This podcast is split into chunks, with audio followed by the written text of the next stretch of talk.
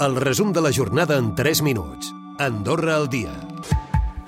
El govern i les associacions de salut mental i addiccions treballen per elaborar un protocol conjunt en cas de fugues de menors, sobretot quan marxen fora del país amb vehicles particulars.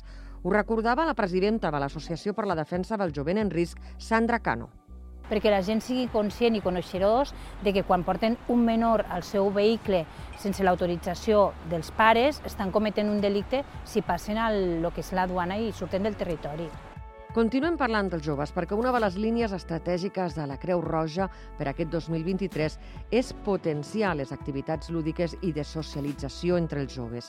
És per això que aposten pels punts liles, ho explica el Jordi Fernández, director de la Creu Roja on teníem infermera, educador social, un punt d'atenció, i, i això és un exemple de eh, recursos que hem de posar i volem posar.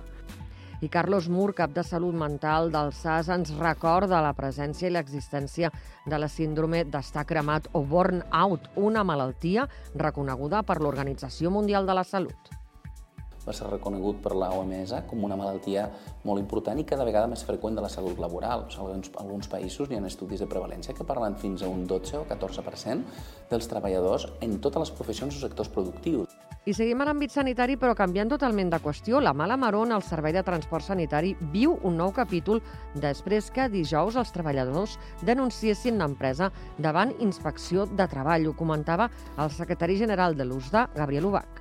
Aquesta subrogació ja va néixer malament, eh, perquè d'entrada ja es va fer un plec de bases que no estava adequat a poder a la feina i a la realitat d'aquest servei i ara ens trobem els problemes que tenim. Jo ja ho vaig dir des d'un principi i ho continuo dient. La gran culpa de lo que està passant amb les ambulàncies ve de, del SAS.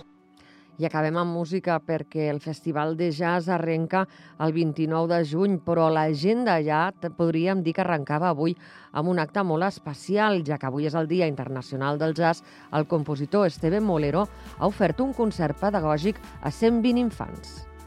A la que s'entra una mica de ritme, tots els grups s'han posat a picar de mans. O sigui, han sigut molt espontanis. A nosaltres això, aquest tipus de música ens permet la interacció entre els músics i la interacció amb el públic. No? Recupera el resum de la jornada cada dia a AndorraDifusió.d i a les plataformes de podcast.